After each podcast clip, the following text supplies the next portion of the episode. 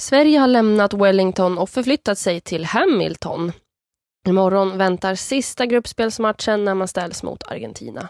Efter två raka segrar för Sverige så är man redan klart för åttondelsfinal. Men tro inte att matchen är betydelselös för det. Det finns trots allt en hel del att diskutera ändå.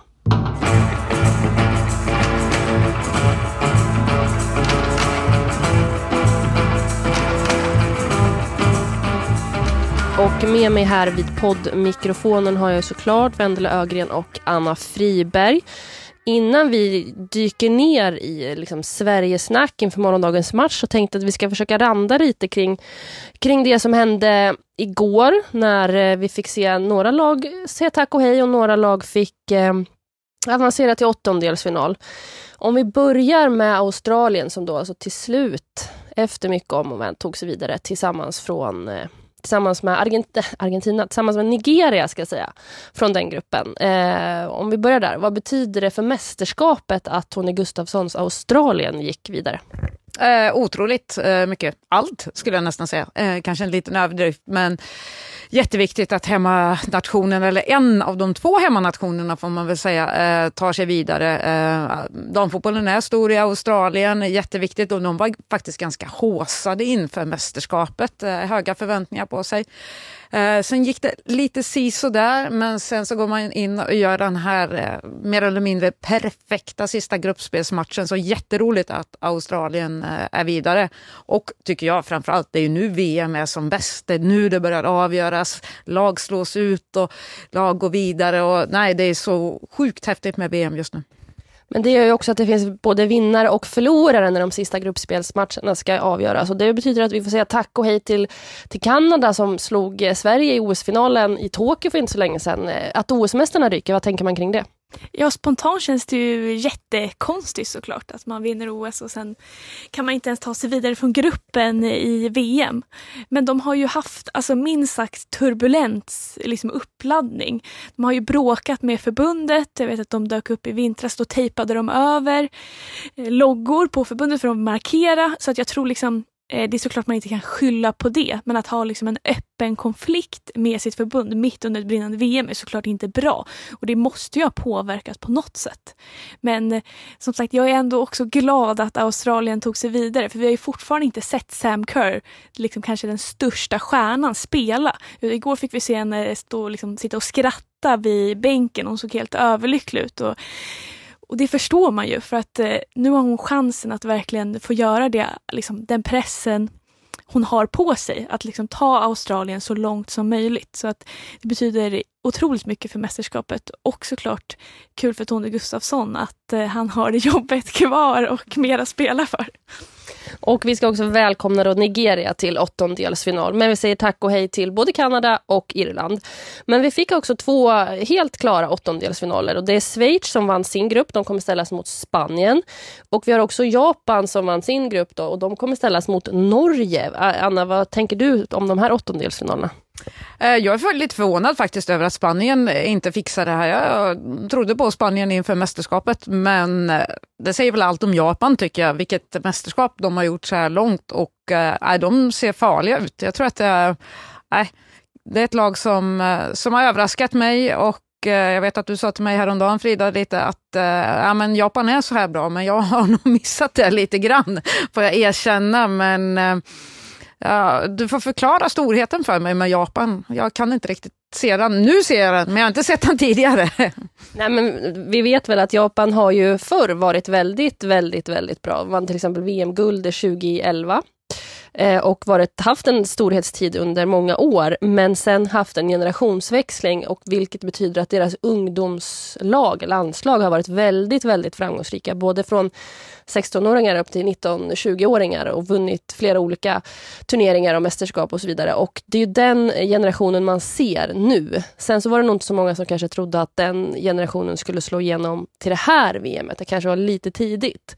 Det kommer ett OS nästa år, det kanske var där de skulle göra det. Så att, att det finns så mycket talang i Japan är ju inte... Det har ju ingen missat. Det var, bara jo, att, det var bara att det kom lite tidigt.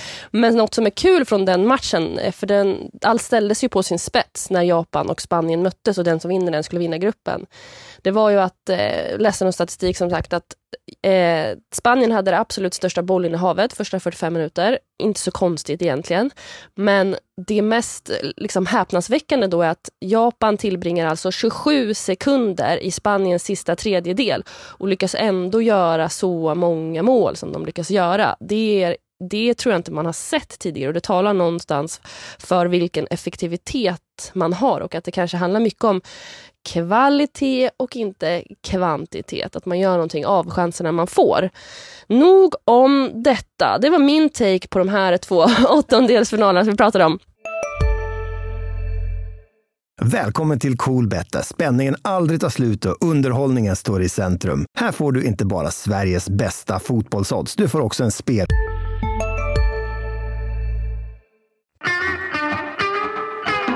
Och så går vi vidare in på Sverige som alltså då imorgon ställs mot Argentina. En på pappret egentligen helt betydelselös match. Sverige är redan klara för åttondelsfinal. Eh, men det finns ju andra aspekter att väga in och mycket har man ju diskuterat den här veckan i hur ska man tänka kring en eventuell startelva, vila spelare och så vidare. Jag vill höra er take på det. Är ni för eller emot det här att vila spelare?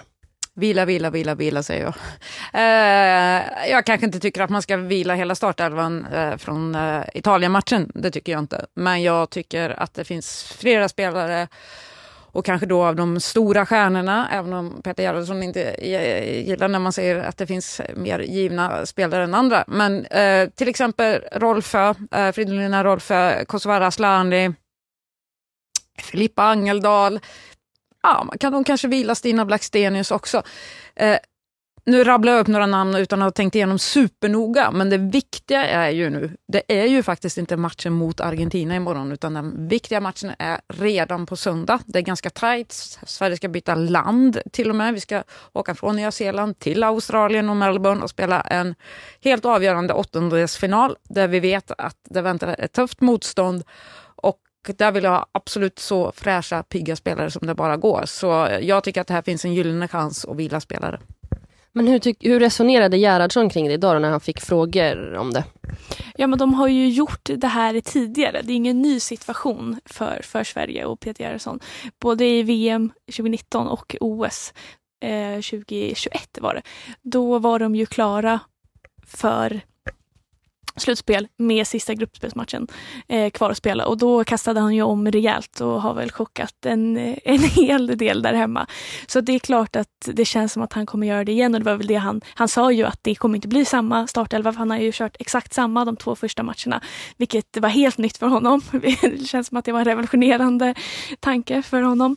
Eh, så att man pratar ju väldigt mycket om att det är söndagsmatchen som är prio ett och det är där fokus ligger och de räknar med vilka spelare som ska kunna kunna spela 120 minuter på söndag.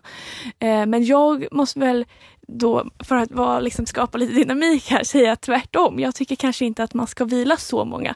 För jag tycker kanske, även om de vann med 5-0 och det verk, liksom var liksom proppen ur, så de där första 20 minuterna skakade ändå om mig lite och jag tycker inte, de imponerade inte mot Sydafrika heller. Så jag skulle ändå vilja se liksom att spelet sitter mer och att de kan gå ut och dominera. Så att det är klart att de som har skadekänningar och sjukdomssymptom ska vilas. Men det känns som att det finns en hel del spelare som kanske behöver lite självförtroende. Typ eh, Musovic i mål eh, tycker jag inte att han ska vila för att eh, det känns som att eh, hon behöver få liksom visa upp sig ännu mer och bli mer bekväm med den här liksom, mästerskapsrollen.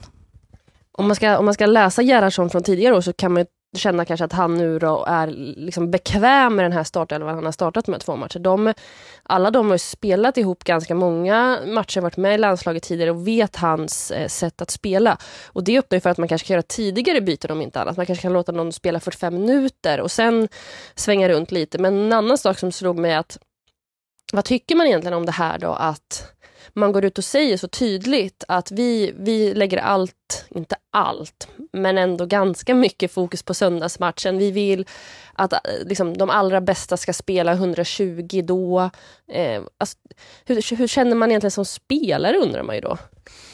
Eh, som spelare kan man säkert känna lite grann att jaha, okej, nu får jag komma in där i en match som inte betyder någonting. Men om man tittar och vänder på det lite grann så tittar på motståndarna så är det väl att Sverige har en imponerande bredd. Att man vågar göra det här som vi då tror kommer hända, att han byter ut flera spelare. Eh, kanske inte blir så många som jag satt och rabblade upp förut, men att han, det är ju helt uppenbart att det kommer inte bli samma startelva som mot Italien.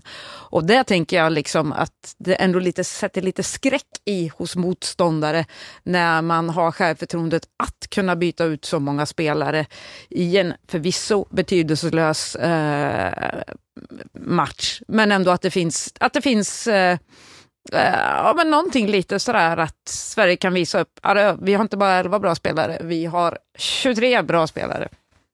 Ja, och även som, jag tänker som spelare, även fast det är kanske lite tråkigt och då få vara de här äh, inhopparna, fast som, som spelar från start, så är det ju en jäkla chans att visa upp sig. Vi hade ju Anna Sandberg här som inte fick göra VM-debut. Hon var ju så smärtsamt nära nästan, stod ju där redo mot Italien, men Sina Blackstenius kramp satte ju stopp för den drömmen. Men förhoppningsvis, för hennes del så går den i uppföljelse nu. Och det är, liksom, det är verkligen en guldmöjlighet för de här liksom, inhopparna att visa upp sig och att liksom visa att jag ska in i den där startelvan och jag är att räkna med i det här mästerskapet. Så som spelare kan man ju också se det som en, liksom en motivation, tänker jag. Det måste ju vara en jäkla lyx också för, som förbundskapten att känna efter två matcher att nu är vi klara. Nu, nu ska flera spelare få match, eh, minuter i kropp gruppen och nu ska vi liksom samla gruppen ännu mer och ta, ta krafttag mot en, en åttondelsfinal som väntar. Vi vet ju inte riktigt än vilka det blir. Det finns ju flera olika alternativ. Och allt sånt kommer ni ju såklart få höra om imorgon när Sverige har spelat eh, sin match. Hej, Ulf Kristersson här. På många sätt är det en mörk tid vi lever i. Men nu tar vi ett stort steg för att göra Sverige till en tryggare och säkrare plats. Sverige är nu medlem i Nato. En för alla, alla för en. Vi är specialister på det vi gör, precis som du. Därför försäkrar vi på Swedea bara småföretag, som ditt. För oss är små företag alltid större än stora och vår företagsförsäkring anpassar sig helt efter firmans förutsättningar. Gå in på swedea.se företag och jämför själv.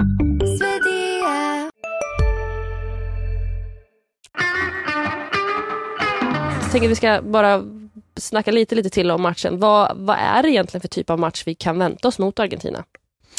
Uh, jag tror att Peter Gerhardsson sa det ganska bra, han säger mycket bra, uh, men han sa, fick frågan på presskonferensen förut um, om ja, men, precis den frågan du ställde nu, Frida, vad är det vi kan förvänta oss? Så drog han ju liknelse med det lag som, eller den spelstil som Sverige mötte när man mötte Italien häromdagen att det kommer liksom, det kommer inte vara ett Sydafrika i spelstil som är all over the place, som prins Daniel hade sagt, men det är eh, nej men, ett sydamerikanskt lag som inte är helt olikt ett sydeuropeiskt lag i spelstil. Och blir det 5-0 senast så kanske passar Sverige rätt bra imorgon också. Ja, absolut. Men man får ändå ge det till Argentina. Det är ju deras, liksom, deras herrar är ju bäst i världen, det vet vi ju, det har ju inte undgått någon. Men det här damlandslaget fanns ju inte förrän liksom sju år sedan. För när de inte tog sig till VM 2015 så bestämde sig förbundet att säga nej, tack och hej.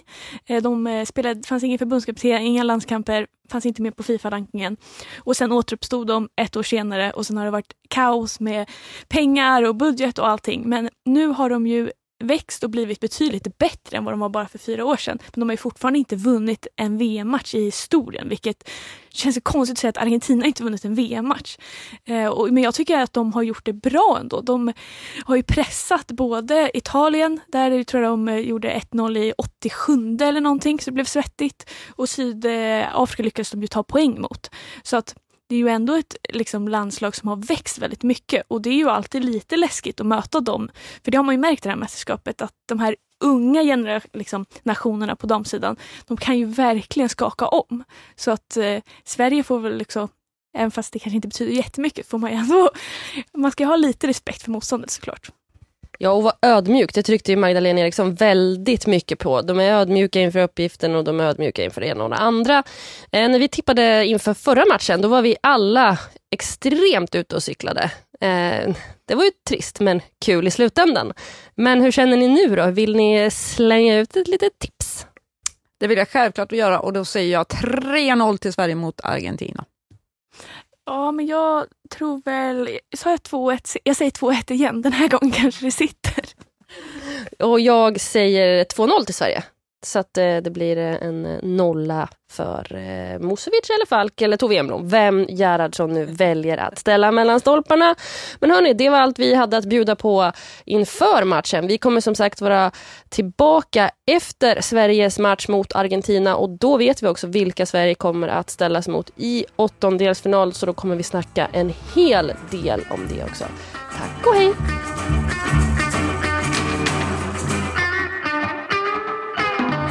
Du har lyssnat på en podcast från Expressen. Ansvarig utgivare är Karin Olsson.